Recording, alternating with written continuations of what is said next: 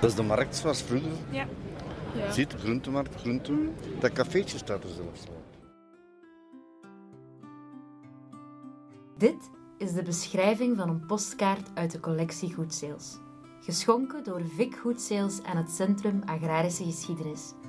We nemen jullie mee doorheen het agrarisch Vlaanderen van de 20e eeuw en werpen samen een blik op vier landschappen die zijn afgebeeld op de postkaarten van deze collectie. Wij zijn Eline Marten. Cura, en Mirte. studenten culturele studies aan de KU Leuven. En dit is Groetjes uit Agrarisch Vlaanderen.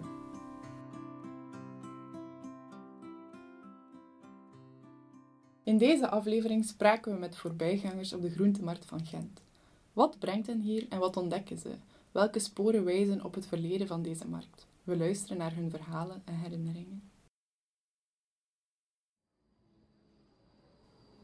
Hier staan we op de groentemarkt, een plein in het hartje van Gent. Een gezellige drukte geniet van de zon. We zijn benieuwd wat ze hier vandaag doen. I don't know really what we're doing here on this square. so we we're searching for something to to look at. Sommige mensen kiezen deze plek wel als vaste stekje op zaterdag. Daarnet hadden we een fijn gesprek met een kunstenares. Zij verkoopt hier haar zelf beschilderde keramiek op de ambachtenmarkt. De groentemarkt werd immers elk jaar tijdens de lente en zomer in het weekend omgetoverd tot een gezellige ambachtenmarkt. Ook niet-Gentenaars vinden hun weg hier naartoe. Mijn naam is Hanne en naast mij zit Filip. Filip die komt hier uit de buurt, uit, eh, uit Evergem oorspronkelijk, maar die woont nu bij mij in Nederland. Dus, en wat we hier doen is, eh, we komen hier regelmatig terug om eh, lekker te winkelen en eh, frietjes te eten. Ja. Oh, een pintje te drinken. Daar zit een hele goede hoedenwinkel, pettenwinkel. Daar komen we graag. En eh, we gaan graag eten bij de Progrès. Erg lekker. Verder nog? Heb jij nog aanvulling? Ah ja, voor de mosterd van Tierlentijn. De familie Tierentijn maakte sinds 1790 mosterd in Gent. Ook vandaag nog maken en verkopen ze hier deze typische Gentse mosterd volgens hun traditionele recept. Ze verpakken de mosterd bovendien in handgedraaide stenen potjes of glazen bokaaltjes. De Tierentijn-familie is de grootste in Gent wat mosterd betreft sinds Wereldoorlog 2.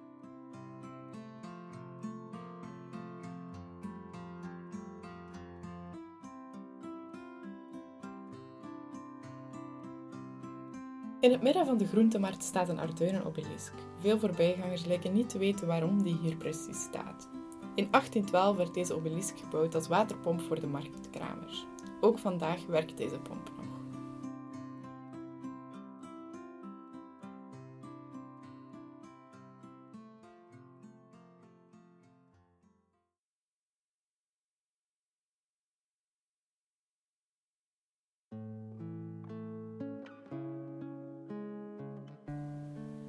Heel wat mensen koesteren bijzondere herinneringen aan de groentemarkt.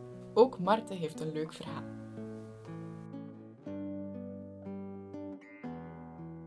Eh, dus vroeger, toen ik een kindje was, kwam ik hier soms met eh, mama en papa voorbij. En ehm, ook tijdens de markt natuurlijk. En vaak is er hier ook een kunstmarkt. En op dat moment was hier dus ook een kunstmarkt. En vroeger een oud mannetje aan mijn mama en papa of dat hij mij mocht schilderen. En ehm, ja, dat mocht. En eh, die heeft mij dus geschilderd, zo op een half uurtje of zo. Echt wel een mooi schilderijtje. En ehm, ja, dan hebben we dat uiteindelijk ook zelf gekocht. Eh, dus ik heb een schilderijtje van mezelf dat hier op de groentemarkt is geschilderd. Dus dat is wel tof. Ik heb ook al een paar latere herinneringen. Dat was mijn eerste herinnering aan het plein. Maar ehm, er zijn ook een paar toffe cafeetjes, zoals Hot Club de Gauw, waar dat er zo af en toe, eigenlijk redelijk vaak, jazzconcertjes zijn. Maar ook super gezellig om iets te drinken gewoon. En je hebt ook het Geneverkot, net om het hoekje. En daar ehm, schenken ze artisanale Genever. Super lekker. Wel gevaarlijk als je er te veel drinkt. Ook een sympathieke wandelaar vertelde ons een fijne anekdote. Ik was een keer met mijn vrouw mijn sleutels kwijt aan de zee. En, eh, we zaten alle twee, verdorie, wat moeten we nu doen? De sleutels weg. Dus we waren aan de raadslagen. En ik zag die tekening, ik verdorie, ik dat is prachtig. Ik heb die dan gekocht. En dat hangt nog altijd bij ons. En dat is altijd aan dat pleintje en aan die man. Die zo... Dus alleen dat ik hem nog gezien heb. Maar dat blijft altijd bij. Als ik hier kom, denk ik altijd aan manneke. Hij komt op thuis en dan hangt dat daar. Dat cafeetje staat er zo. Het heet In het Galgenhuis. Dat is eigenlijk niet zomaar. Dat Galgenhuis is inderdaad bijzonder. Het is een van de kleinste cafés van Gent. Het huis is bovendien eeuwenoud en had verschillende functies doorheen de geschiedenis.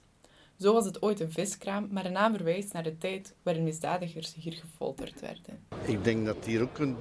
werd hier vroeger geen uh, mensen uh, ja. Ja. onaangenaam. Ja, ja, ja. ja. Zoals jullie horen, leeft de plek die op de postkaart staat nog steeds. Wat zouden jullie op de postkaart schrijven? Groeten uit het kleinste café van uh, Gent. Ja. Oh, dat is mooi. Zal een huisje. Ja, ja. Geen zalig. Oké. Dankjewel. Dankjewel. Ben ik nog van de frietjes? Of ja,